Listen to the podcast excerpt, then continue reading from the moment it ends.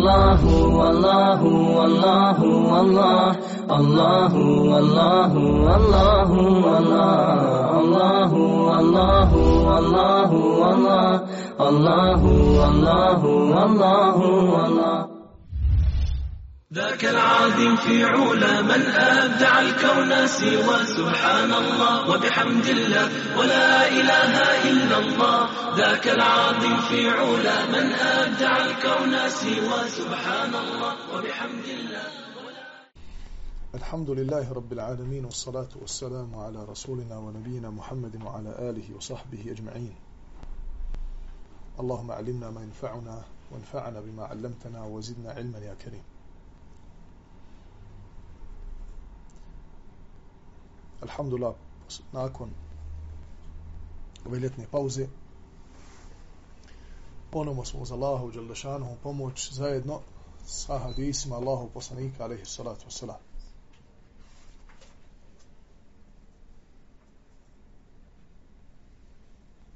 Poglavlje biti milostiv prema životinjama. Od Ebu Horeire radijallahu anhu se prenosi da je poslanik alaihi salatu wasalam rekao Išao neki čovjek putem osjetivši žestoku žeđ. Ovaj hadis je vraćao kod Buhari i muslima u sahihima također. Spustio se u bunar koji se nalazi u blizini. Kada je utalio žeđ, izašao iz bunara. Kad pred bunarom dahće pas od silne žeđi, jeo je vlažnu zemlju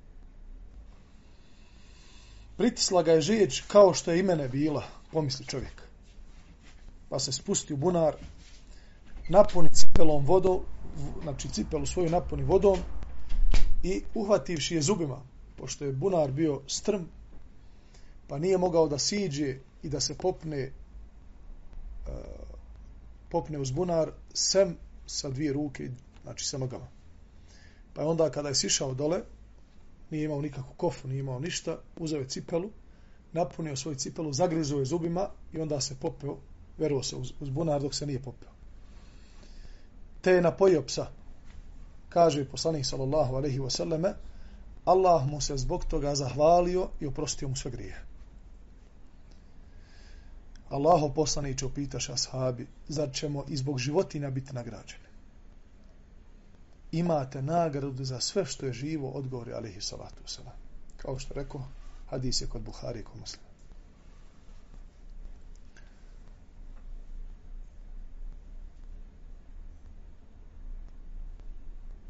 Kada, kada pogledate kuranske ajete u kojima Allah Đelešanuhu u toj svetoj knjizi Kur'an i Kerimu skreće nam pažnje na mrave, skreće nam pažnju na pčele.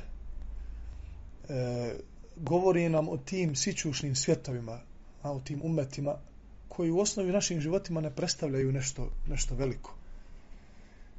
Znači, odgaja nas, subhanahu wa ta'ala, kroz kuranske ajete, kada učimo, znači, suru Neml, Nahl, kada Suleiman, alaihi salatu wasalam, koji je vrhovni poglavar, tada kralj, vjerovjesnik, kudca, ide sa svojom neustrašivom vojskom koja je bila sastavljena od ljudi, od džina, od ptica, znači sve mu je bilo podređeno.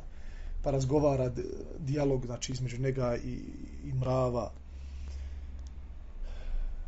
životinje, e, onda kroz hadise Allahu poslanika, ali i salatu osalam, poput ovog i ostali hadisa koji govore na ovu temu, e, Islam i Allah Đalešanu, znači, hoće da nas odgoji da sve što je oko nas ima neku vrijednost. I da musliman, znači, treba to da, da nosi sa sobom. Znači, da Allah Đalešanuhun je stvorio sve te svjetove. I u svim tim, u tom stvaranju, toj raznolikosti, Allah Đalešanuhun nam pokazuje svoju moć.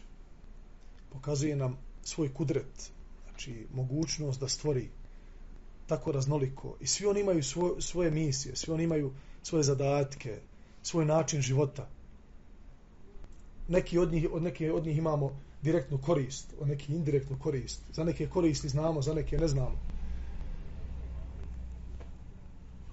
Ashabi su, znači, bili odgajani na način, pazite, dolazi islam u vrijeme kada se slabo šta poštuje.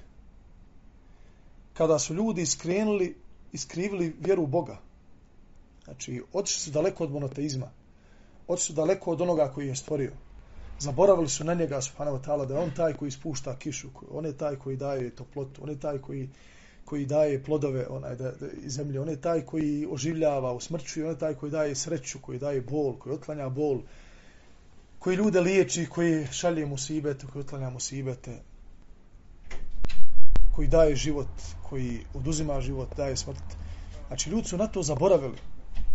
A zamislite kada su na to zaboravili, kako su onda ljudi zaboravili na prava drugih ljudi, žena, djece, ženske djece, kako su zaboravili onda na životinje, na druge umeta, na druge, druga stvorenja, pa je Islam došao da iznova a, probudi sve one univerzalne vrijednosti koje trebaju da se nađu kod sina Ademova, da bi bio upravo onakav kakav Allah Đalešanu želi od njega da bude. Pa je alaih salatu wasalam zabranio spaljivanje mrava, ubijanje istih.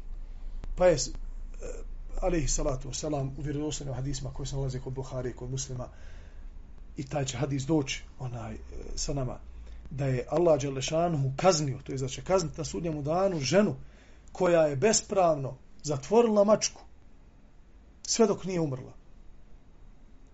Pa su razni rivajeti po toj temi koji su vama poznati. Da je ona i klanjala, da je ona i postila, da je bila vjernica, ali da će na sudnjemu danu biti kažnjena. Čime će biti kažnjena? Vatrom. Da će ući u džehennem ta žena koja je bila vjernica u osnovi. Ali je bila, jer Allah, ali je bila, znači, nije imala merhameta u svom srcu. Surova je bila. Pa Allah Đelešanu zbog grijeha kojeg mi, pa je pa je jedna mačka umrla. I šta sad? Ne, ne, ne. ne. Islam se ne tretira to tako. Ovaj čovjek oprošteno mu je. A u drugom isto vjerodosnom hadisu, žena koja je radila nemoral, Allah Đelešanu je oprostio, a bila je muslimanka. Pa nemojte, ona misli da, znači ovo, skoro sam slušao ders od šeha, onaj, uh, e, Osman Hamis, kada je upitan, ne, ne, ona je bila muslimanka. Ona je vjerovala jednog od poslanika koji je bio poslan Benu Israelčani. Da li direktno Musa, da li Isa, da li neko od drugih poslanika, ona je bila iz naroda Benu Israel. Bila je muslimanka. Ali radila taj gnusni grije. Allah Đelešanu nakon što je napojila psa, a oprostio joj one sve njene gnusne grije. Zbog njene samilosti. Pa Allah Đelešanu se zahvalio. Jesi ti tako samilosna prema onome što u osnovi ne zaslužuje toliko pažnju, ali zato musliman se odgaja. A? Da bude samilostan. Da ima merhameta u svom srcu. Mi smo poznati po tome kroz vijeku. Pa čak i ova žena koja je znači zatvorila mačku i kaže nije joj dala da jede ni da pije, a nije ni pustila vani. Ne moraš ti hraniti tu mačku koja prolazi ili koja ti dođe pred kuću. Samo je pusti. ona će se nahraniti. Da će ne Allah Đelešanu na faku. Ako već ne želiš da je prihvatiš i da je... Ali nemoj zatvarat. Nemoj mučiti. Pa znate da je, da je u doba velikana Islama, znači kad imate tamo krajem 7. i početak 8. stoljeća Islama u Šamu, u Damasku, znači procvet islamskog znanja, velikani Islama se tada pojavljuju. U, u tim tamama e, filozofije, u tamama, znači kada ljudi, ok, predaju se, predaju se ovamo duhovnom, ali bez imalo znanja, pa onda nadovezuju na vjeru i ono što jest i ono što nije. Jer gdje god se izgubi znanje, ljudi krenu da pričaju i svoje have. Pa onda se ima i prostora, pošto nema znanja. Pa Allah Đalešanuhu mudro daje tada, a, pa se reformira Allahu Đalešanuhu vjera, pa se veliki velikani, znači Islama, pojavljuju. U to vrijeme su, braću moja, Znači, bili su pašnjaci za odbjegle životinje. Bile su mjesta samo gdje su se psi hranili. Znači, Maksus su stanovnici Damaska, znači, van grada, donosili svaki dan hranu samo da se, znači, e, lutali cepsi koji nisu imali e, vlasnika, da se nahrane da ne bi, pres, da ne bi umrli. O čemu su ljudi razmišljali to vrijeme? Zbog čega? Zbog ovoga, zato što je odgojio islam. Islam je Ne samo da im je dao informacije. Jer islam, naučiti islam kao informaciju, bez provođenja tih vrijednosti univerzalnih u svoj život, ne znači ništa. Naprotiv, što ti?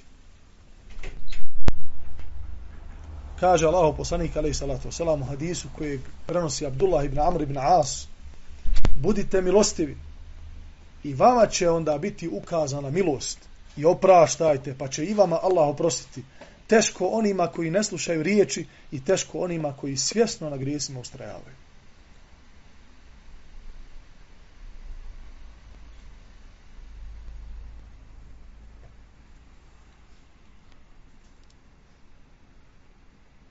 Man rahime walau dhabihatan rahimahu Allahu yawm al-qiyamah. Koliko je bitno da ima čovjek merhameta u svom srcu. Da ne izgubi taj osjećaj samilosti prema drugima kaže alaihi salatu wasalam od Ebu Umame se prenosi u hadis koji bileži imam Taberani kaže ko se bude smilovao pa makar onoj ovci koju kolje za kurban kako ćeš ju se smilovati hadis je vjerodostojan, kojeg imam Nebevi nabio u svojih 40 hadisa smilovat ću još na, na dva načina tako što ćeš naoštriti dobro nož kojim kolješ i to će da ide brzo. Jer Allah mudri je stvorio ta stvorenja. Pa između ostalog naredio da se za kurban bajram, koji je kurban? Koji se prinosi Allahu Đalešanuhu i badetom i zahvalnošću na svim blagodatima. U svoje ime, svoje, svoje porodice.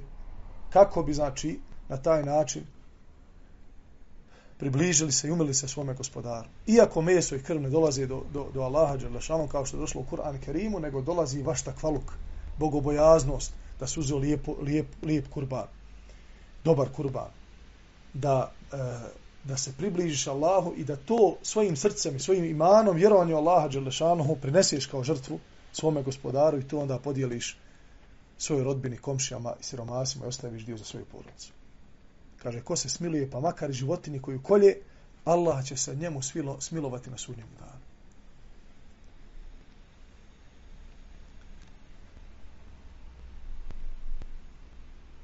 do te mjere, braćo moja, da imam Buharija, a ovo je na osnovu hadisa od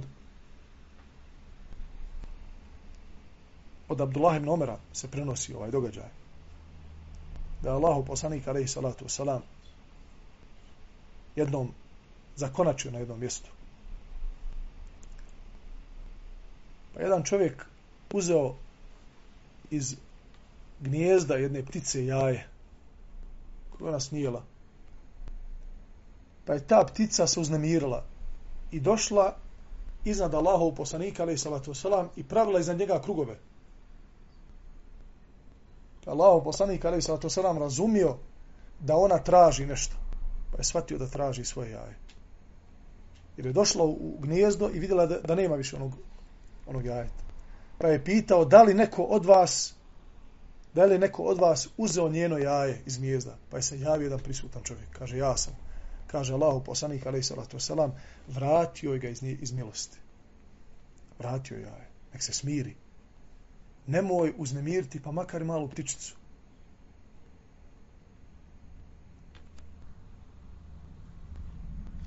pa onda postoje hadisi znači dolazi onda e, malo jedno poglavlje koje je fiks, fiksno znači e, stavljanje ptica u kavez da li je dozvoljeno stavljanje ptica u kavez ili nije znači od Hišam ibn Orve se prenosi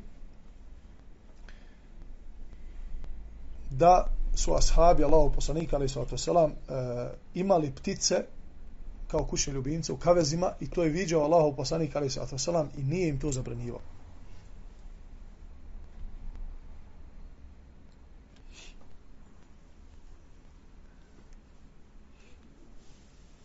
Zatim dolazi poglavlje prenošenje dobrih, lijepih riječi jednog muslimana drugom. Pogotovo kada se radi o zavađenoj braći muslimanima.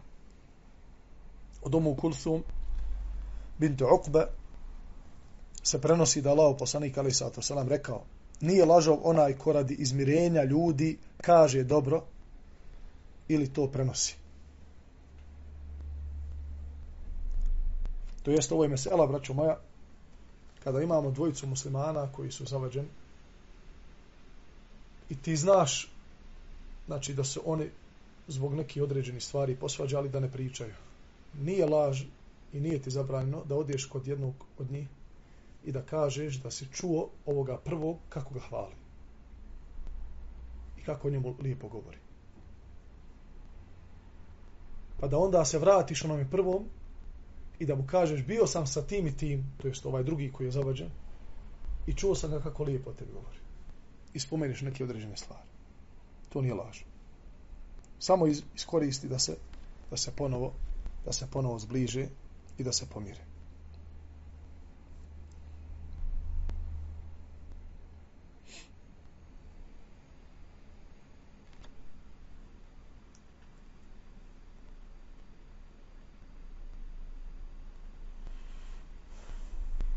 Podnošenje uvreda. Danas mi bošnjaci onaj, mi smo ovako poznati kao narod da ne trpimo ništa. Znači, pogotovo uvrede, nismo spremni da išta istrpimo. Ovaj naslov mogao bi nam dobro doći. I ovaj hadis koji dolazi iza toga. Od Ebu Muse, Lešarija se prenosi da je vjerovjesnik, ali i salatu salam rekao, u, znači, u kontekstu toga koliko čovjek treba da zbog opće koristi, pogotovo za islam i za muslimane, da pretrpi određene stvari. Da ne reaguje odma energično ili da ne, da, da ne očekuje da se mogu određene stvari za jednu noć i jedan dan promijeniti. Pogledajte, din i islam, braćo moja, to je jedan proces da bi se stanje jednog naroda popravilo. Ne može za, jedan, za jednu noć i jedan dan. To nije šalter gdje ti upališ u gasi svjetlo. Da je popravio stanje svojih roditelja, da je popravio svoje stanje, da je popravio stanje svog komšiluka, svoje rodbine, svojih prijatelja, svoga naroda na kraju krajeva, cijelog, cijelokupnog. To je cijeli jedan proces. Koji je nužno popraćen strpljenjem, mudrošću, znanjem i upornošću u radu. Bez tih faktora ne možeš uspjeti. Šta god da ti od ovoga fali, nećeš, nećeš ustrajati. Jer ako nemaš znanja, džaba ti strpljenja, ako ne znaš ljude, povest pravim put. Ako imaš znanja, nemaš strpljenja, tvoja šteta u radu će biti veća nego korist. Jer neminuo će doći do jezijeta. Neminuo će doći neko ko će te suprostaviti se tvoje mišljenje. Da ću te uvrijediti na putu poziva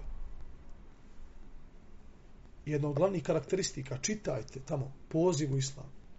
Bilo koje dijelo koje govori o obavezi poziva, o blagodati, o nagradi koju Allah Đelešanu obećava onima koji druge podučavaju hajru, koji, koji drugim preporučuju dobro, zabranjuju zlo.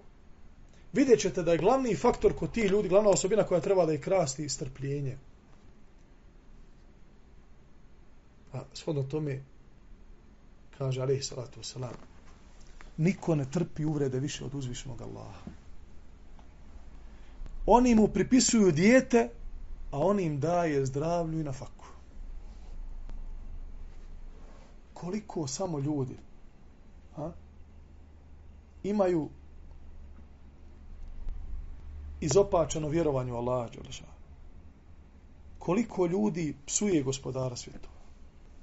Koliko ljudi negira njegovo postojanje a on iznova svaki dan i svoje dobrote i milosti šalje im na faku, daje im zdravlje, ostavlja ih u životu, ne bi li došlo vrijeme kada će se pokajati, kada će shvatiti, kada će razumjeti. Subhanallah.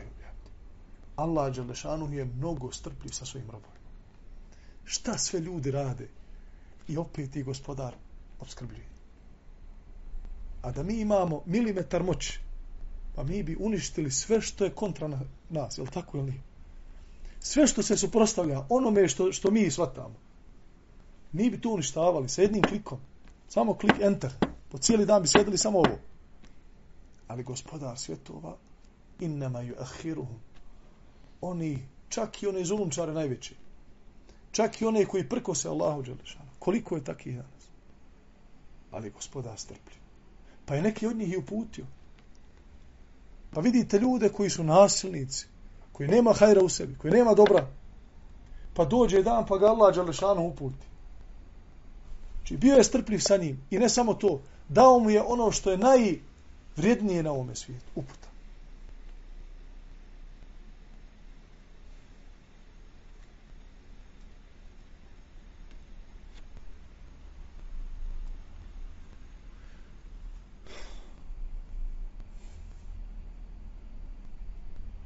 Onda dolazi hadis, dolazi događaj koji nam otkriva koliko je naš poslanik, ali sallatu wasalam, bio strpljiv sa ljudima. Abdullah priča kada je vjerovjesnik, ali sallatu wasalam, podijelio ratni plijen. Kako je to po običaju radio? Neko od ensarija reče, tako mi Allaha, ova podjela nije bila u ime Allaha.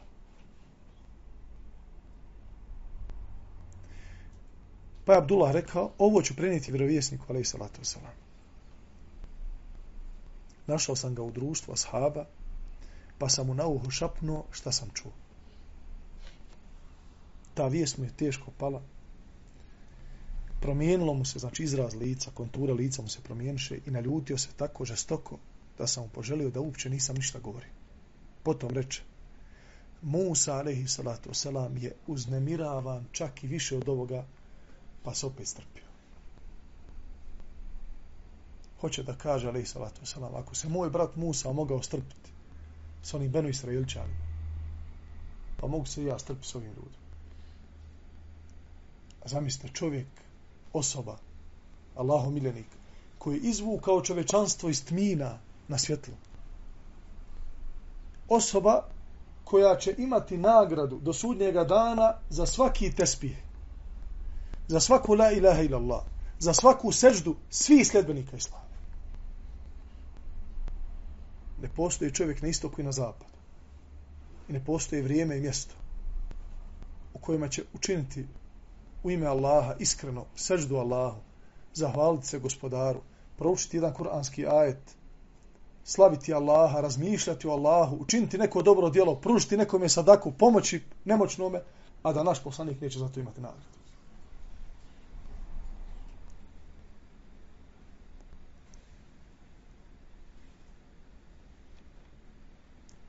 Pa je opet pored toga svega bio veoma strpljiv sa ljudima i bio veoma blag prema njima. Iako su znali doći, pa onaj beduin kad mu dolazi hvata ga čvrsto za njegovog grtač, pa ga povlači prema sebi, pa kaže sahabi, vidjeli smo tragove grtača na njegovom vratu, toliko ga je čvrsto povukao. Pa mu kaže, daj mi moj dio, daj mi ono što mi pripada. Pa se Allah poslanik okreće i sa osmijehom kaže dajte mu njegov dio. Čovjek traži svoj dio, dajte mu njegov dio. Mi bi to odma smatrali da je to napad na našu ličnost. Da mi ako ne uzratimo duplo više da će nam pas naš autoritet. Da će ljudi svat da smo mi kukavice, da nismo jaki, da nismo superiorni. Da. Pa onda sva raspoloživa sredstva izvadimo i sve što ima oružja kod nas, iz znanog i neznanog, bum. Samo da bi odbranili svoj, šta? Ima tri, tri slova ova riječ. Ego. Ego je čudo, braću. Ko ne zna puno egu, neka izgugla da vidite šta je ego.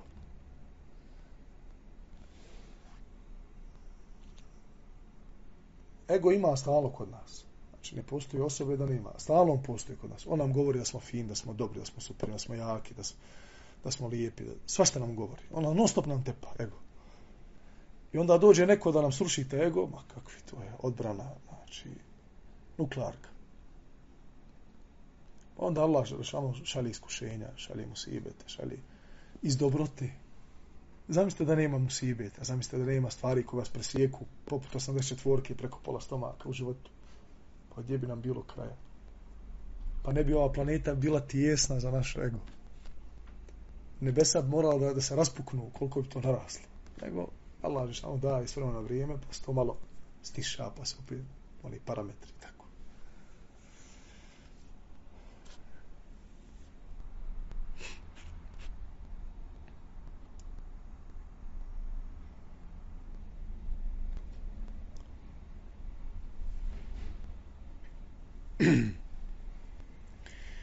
Slagati čovjeka koji ti u osnovi vjeruje. To je velika prevara. Znači, čak i prevara imaju svoje stupnjeve. A? Kao što ihlas, iskrenost, istinoljubivost, imanu Allah ima svoj stupanj. Tako i izdaja ima svoj stupanj. Ima svoje znači, deređe. Kaže alaihi salatu wasalam, velika izdaja da slažeš čovjeka koji u osnovi ti stalno vjeruje. Znate po iskrenosti. Znaš da, da ti vjeruje 100%. Kaže ovaj brašto, kaže. I onda ti da ga svjesno slažeš kako bi ga ubijedio tu priču. Jer znaš da ti to je velika izdaja.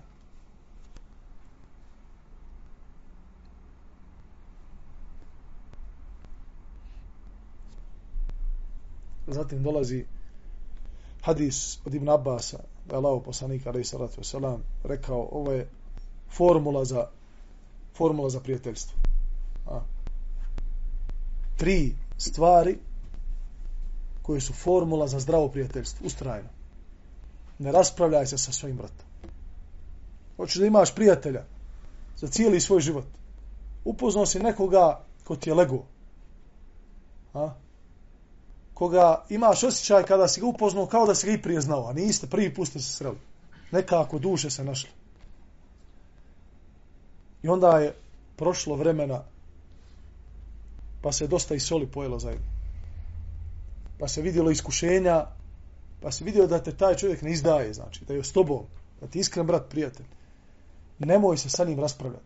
Jer rasprava, šta radi? Rasprava gasi prastu. Prijateljstvo. Ostavi se nekih tema. Pa ne mora sve ići na mak na konac. Jel mora? Ne može. Koliko puta sam svojim očima vidio i sjedio sa ljudima koji imaju znanja. Jakog šarijaskog znanja. I postavi se neko pitanje koje nije od osnova vjere. Ti ne možeš reći, e, hajmo sada da pričamo, je li, je li vađib klanjat pet vakata ili nije. I sad mi tu se raspravljamo. Nema tu raspravi. Ali postoje određena pitanja vjerska oko koji nema koncenzusa. Ili možda savremena pitanja o koji slaba je ulema danas govorila tiče se možda na, nas lično ovdje, ili tiče se okoline, ili, ili globalno, gdje e, većinom ne mogu se ljudi složiti i neće se nikad složiti. Pa vidite, sjedi deset ljudi učeni. Ne mogu da se slože oko jedne stvari. Jel to treba da, da bude razlog da se oni posvađaju? Da se raspravljaju do te mjere da napuste međlis, da napuste sjelo, ili to mjesto da kaže ako se nisi složio sa mnom, ne interesuješ me. Što? Pa eto ja sam doktor, ti si magistar. To me nas ne uči islam. I to me nas nisu naučili oni koji su bili daleko, daleko učeni i od nas i oni koji mi danas možemo da sretnemo. Pa Mohamed ibn Idris, to je bio ko? Imam Šafija, rahimehullah. imao je običaj kao Ebu Hanife da sa svojim učenicima otvori određene mesele, određene rasprave. Onako radi iluma da se podsjećaju dok, znači na dokaze, da razvija im intelekt, da ih uči kako se raspravlja, kako se dokazuje u islamu i tako dalje. Jedan od njegovih učenika nije se složio sa njim. Imam šafija mu odgovara, ovaj njemu dadne dokaz, imam šafija njemu dadne drugi dokaz. Oko neke mesele. Pa imate mesele da kod ehli sunneta jedna je te ista stvar. Jedni kažu haram je to, drugi kažu halal. I ovaj učenik plano naljutio se usto i otišao iz međlisa. Otišao kući, ljut. Ljut na svoga koga? Na svoga babu po islamskom znanju. Jer ako ima neko ko, ko se može zvat babom, osim biološkog babe, koji te hranio, koji te odgajao i držao te dok si mali bio, nije dao na tebe. To su, ba, to su učitelji. Učitelj se može zvati babom. Kad je imam šafija završio, ders, sve završio, posle ikindije, otišao njemu kući. Kuca na vrata. Pita ovaj ko je? Kaže Muhammed ibn Idris. Priča ovaj učenik. Kaže, tako mi je Allaha svi Muhammed ibn Idrisi su mi na um pali, osim njega, kontam koji Muhammed ibn Idris. Da li onaj tamo iz komšiluka, ili onaj tamo što živi pored škole, ili onaj koji je... Ne konta da imam šafije. Kad otvorio vrata, njegov šeh. Kaže mu, salamu alaikum. Kaže, zar ne može ovako biti? Da se nas dvojica raziđemo nekom mišljenju, ali da ostanemo braće. Ela nahtelifu fil mesele, wa nebqa ihvana, tako mu je rekao. Da ostanemo braća muslimana, da ostanemo prijatelji ahbabi. Zašto da uništiš ono što je spravo, dragocjeno u islamu? Znajući da je vjerodostojno došlo da će dvojica ljudi koji se budu volili u ime Allaha Đelešanu biti na hladu, u hladu sudnjega dana. Do te mjere dolazi stepen njihovog znači, ponožaja kod Allaha Đelešanu da se spominje u rivajtu da će im zaviditi na tom položaju poslanici šehidi koji? Poslanici koji su bili sami, doći je poslanici sami na sudnjemu danu, koji neće imati prijatelja. Kaže, alaihi salatu salam, doće na sudnjemu danu poslanik i sa njim raht. Raht je skupina od deset ljudi. Kaže, pa će doći poslanik, sa njim manja skupina od toga, četiri, pet ljudi. Doće poslanik, kaže, sa njim dva čovjeka, doći će poslanik, sa njim jedan čovjek. Samo ga jedan čovjek iz cijelog njegovog naroda slijedio na putu islama. A kaže, doći će poslanika koji su bili poslani svojim narodima. Neće iza njega doći niko. Nikoga nije tio da slijedi. E, takvi poslanici koji nisu imali te svoje iskrene prijatelje, svoje ahbabe u svom narodu, oni kad vide položaj tih ljudi koji će biti na mimberama od nura, bit će im zavidni, ne misli se na ono zavist, eh, da hoćeš pas tog mimbera.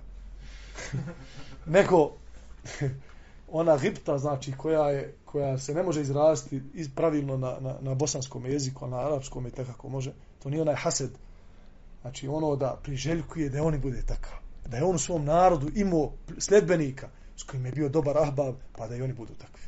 A i šehid, isto šehid koji nije imao onaj tako iskreno prijatelj, ima Allah. Oni će biti, a neki se pitaju kako će poslanici šehidi biti ljubomorni tim ljudima. Znači na njihovom tom položaju u hladu sudnjega dana, iako će poslanici biti u dženetu na boljem položaju od njih, i šehid će biti na boljem položaju, a u tom trenutku kada se desi da Allah Đelešanu neke ljude uvede u hlad svoga sunnjega dana, pa nima dadne određeni položaj, materijalni. Znači, spominje se u hadisu šta? Mimberi se spominju. Uzvišene, znači, stolice, nazovi kako hoćeš, sjedaljke koje će biti od nura, na koje će sjediti samo ti ljudi koji se voli ime Allaha Đelešanu. Kada ih primijete drugi ljudi koji nisu na tom položaju, u tom trenutku će im biti ljubomorni. Priželjkivaće da oni budu na takvim mjestima. Drugo, kaže, ne šali se na njegov račun. Allahu ekber. Poslanik Ali Isatu Salam prije 15 vijekova. Nemoj se šaliti na njegov račun. Što? Pa nije nekad raspoložen. Nije nekada da se neko zeza na njegov račun. Jednostavno nije, nije u tom danu raspoložen za to. Pa će ti zahatorit, možda ti neće reći, smo dobar ahbab, ali ostaje ovdje. Ostaje ili ne ostaje? Ostaje. Jednom će se našao dva puta, pet puta, godit ti taj pet puta, nasmijat ćete svaki put, šesti put ćete reći nešto što ćete uvrijediti. A on misli nije to uvrijedio. Nema zlu namjeru. Drugi će se nasmijat, možda koji ti nisu prisni prijatelji, pa ti to neće odgovarat i osjećaš ćeš nešto sprem brata muslimana, pa će ti onda samo doći šeita. I govorit, a, pa vidiš. Rekao sam ti ja davno, nijem za tebe. I onda te smunta do sutra, on te zove na broj, ti vidiš on, a ne moramo se javiti. Onda dođe njemu i kaže, pa iza se nije tio da javi kakav je to jara. I to onda dođe do puca. A zbog čega je došlo zbog puca? Bez veze stvar. I kaže, ne izneveri obećanje koje si mu dao. Imate ljudi koji su na takvom stepenu odvojenosti od unaluka. Ha? Da ne može se desiti da ti on zahatori. Nema šanse. Ali to su rijetki skroz. To su dijamanti. To moraš za ron dole znači 5000 metara ispod zemlje pa da nađeš ga da voli pacni. I da ga izvučeš dobro da ga čuvaš. A? Nema takvi danas. To sam ja jednom samo vidio u svom životu. I to ću držati ovde dok sam živ. To se ne može opisati. Znači, A šta insan? Ne može se opisati riječima. Nema tih ni na bosanskom, možda na arapskom moglo se nekako sastaviti nešto, onaj, kad bi sjedlo jedno dobrih 20 pjesnika, pa da znaju sve te onaj, sitne izraze, znači oko ljepote izražavanja, pa da nešto skujemo da bi opisali tog insana. Takav je čovjek. Ali to nema. To je rijetko skroz, nikad. Ali u osnovi šta? Nemoj iznevjeriti, obećao si nešto bratu muslimanu. Prvo, nemoj obećavati ono što ne možeš da ispuniš. A inšala, kaže, rekao sam inšala. To znači, ako Bog da, ako Bog ne da, nikom ništa. Nije baš tako, brate. Ne možeš igrati s tom riječu kako ti hoćeš. Znači, niko te ne opterećuje. A, pa gledaj sad ovo. Niko te ne opterećuje da uradiš nešto ako nisi obećao. Nije pravedno da te ja opterećujem ako, ako mi, ja ti kažem nešto. Brate, bil mogo to da uradiš? Ti kažeš, brate, ne mogu. Allah te nagradi. Ne možeš. Ne možeš. Ili pro, pokušat ću. Ali uradit ću to, onda uradi. Koja je cijena toga? Sačuvao si prijateljstvo. Koje Allah najbolje zna jednog dana i te kako može da valja. To su ove tri formule. Znači, prva je šta? Nemoj se raspravljati sa njim, da se ne bi srca udajila. Drugo, nemoj se šaliti na njegov račun. Treće, nemoj ga iznevjeriti kad mu nešto obećaš.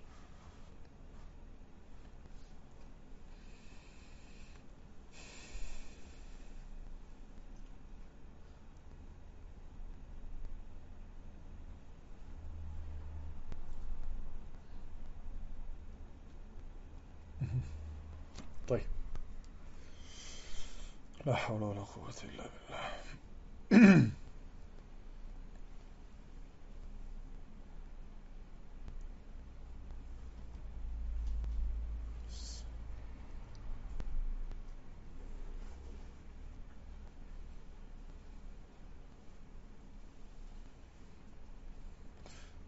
Postoje određeni hadisi koji se ponavljaju sa nama, znači koje smo već e, komentarisali, čitali e, prijašnjim predavanjima, pa da se ne bi ponavljalo, pošto imam Buharija, kao što je kod njega e, i u Sahihu sama praksa, znači da određene hadise ponavlja više puta. Zato imamo onaj e, Sahih Buhari sa ponovljenim hadisima, imamo Muhtasar, to jest hadisi koji se ne ponavljaju. Onaj, imate određene, a prije imate deset poglavlja u kojima imam Buharija, jedan te isti hadis u deset poglavlja navodi. Zbog čega navodi? Zato što u samom tom hadisu Allah poslanik govori o raznim temama. Pa je imam Buharija u svakom tom poglavlju isti ta hadis ponovo šta ponavlja kako bi bio dokaz za sva ta poglavlja pa da ne bi, da ne bi nam se to desilo da svaki put onaj e, govorimo o, o jednom tistom hadisu zato preskačem određene, određene hadise. Aha. Evo jedan zanimljiv hadis, inša Allah, i sa komentarom ovog hadisa ćemo završiti večerašnje predavanje. Od Ebu Horeje radijallahu anhu se prenosi da je vjerovjesnik alaihi salatu wasalam rekao nikome nije dozvoljeno da ne priča sa vjernikom više od tri dana. Kada prođu tri dana, neka ga nađe i poselami. Ako mu odgovori na selam, bojica će imati nagradu. Ako ne odgovori, onda je onaj koji je nazvao selam čistog griha. Ovaj hadis je, braćo moja, dokaz da je dovoljan selam da se prekine ona, ona ne priča. Znači, brato muslimanu. Posvađao se sa njim, razli ste se ljuti, nećete više pričati jedan s drugim.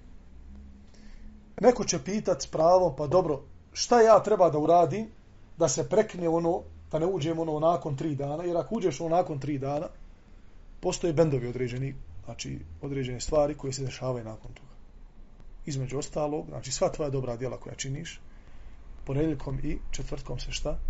Dižu Allahu Đelešanuhu i pišu se. Znači stavlja se na, na njih muhur, pečat i ona ostavlja se sa strane do sudnjega dana. Sem dijela zavađenih muslimana. Ona se ostavlja. Kada se pita, meleci pitaju dozvolu da idu s tim dijelima, jerfe illa, znači, wal amelu salihu jerfe'u kaže Allah Đelšanu, i njemu se dobra djela, koga vjernika, podižu, znači meleci ih uzimaju i podižu, kada bude pitano da li od tog i tog da podignemo djela, kaže, saček, oni su, kaže, on je zavađen sa svojim bratom, sačekajte, nek se pomiri, pa tek onda. Šta je, šta je znači, mesela je, šta je potrebno da bi čovjek prekinuo to, da poselami svoga brata, da mu kaže, eselamu alaikum. I gledajte sada, ovdje imamo e, dva slučaja. Da ti se odazove na selam, da ti kaže alaikum selam, tada se s obojice skida taj čvor onoga što je bilo prije. Znači da su prekinuli vezu. Obojica. Obojica znači imaju nagradu i obojica znači izlaze iz tog iz tog onaj e, prostora tri dana. Gotovo. Pa makar nakon toga se ne vidjeli dva, tri mjeseca i ne progovorili, nema nikakvih problema. Jedan je nazvao selam, drugi je odazvao i halas, završeno je. Međutim, ti si nazvao selam, ha? pobjedio svoj ego i nazvao selam, drugi je šutio. Znači, ego mu njegov šapno i kaže mu, a sad ćeš da mu odazoveš, kaže mu ko je, gdje mu je mjesto. I šuti. Ti ćeš imat nagradu i sad tebe se šta skida, obaveza, pri njemu ostaje. Pri njemu ostaje sve dok sljedeći put ne naiđe i ne nazove selam ili da ti ponovo, ali sada ovaj put ti nije obaveza. Sad ti nije obaveza. Sad ti je već samo preporučeno ili od suneta da mu ponovo nazoveš selam pa da se on odazove na taj selam, u tom slučaju se znači šta? E, prekida se taj e, hajde da kažemo ta vrsta e, odlaganja podizanja dobrih dijela Allahu subhanahu wa ta'ala. Koliko imamo do jacije? 3-4. Hajde, ostavit ćemo ovo e, naredni neki 15 minuta da se malo družimo, ako bude neki pitan, nešto. Molim Allaha subhanahu wa ta'ala da nas smiluje, uputi na pravi put, da oprosti grijehe, da nas sačuva belaja i iskušenja koje ne možemo podnijeti, da nas na sudnjemu danu sastavi u društvu poslanika, šehida i iskreni Allahu subhanahu wa ta'ala robova. أقول قولي هذا وأستغفر الله لي ولكم سبحانك اللهم وبحمدك أشهد أن لا إله إلا أنت أستغفرك وأتوب إليك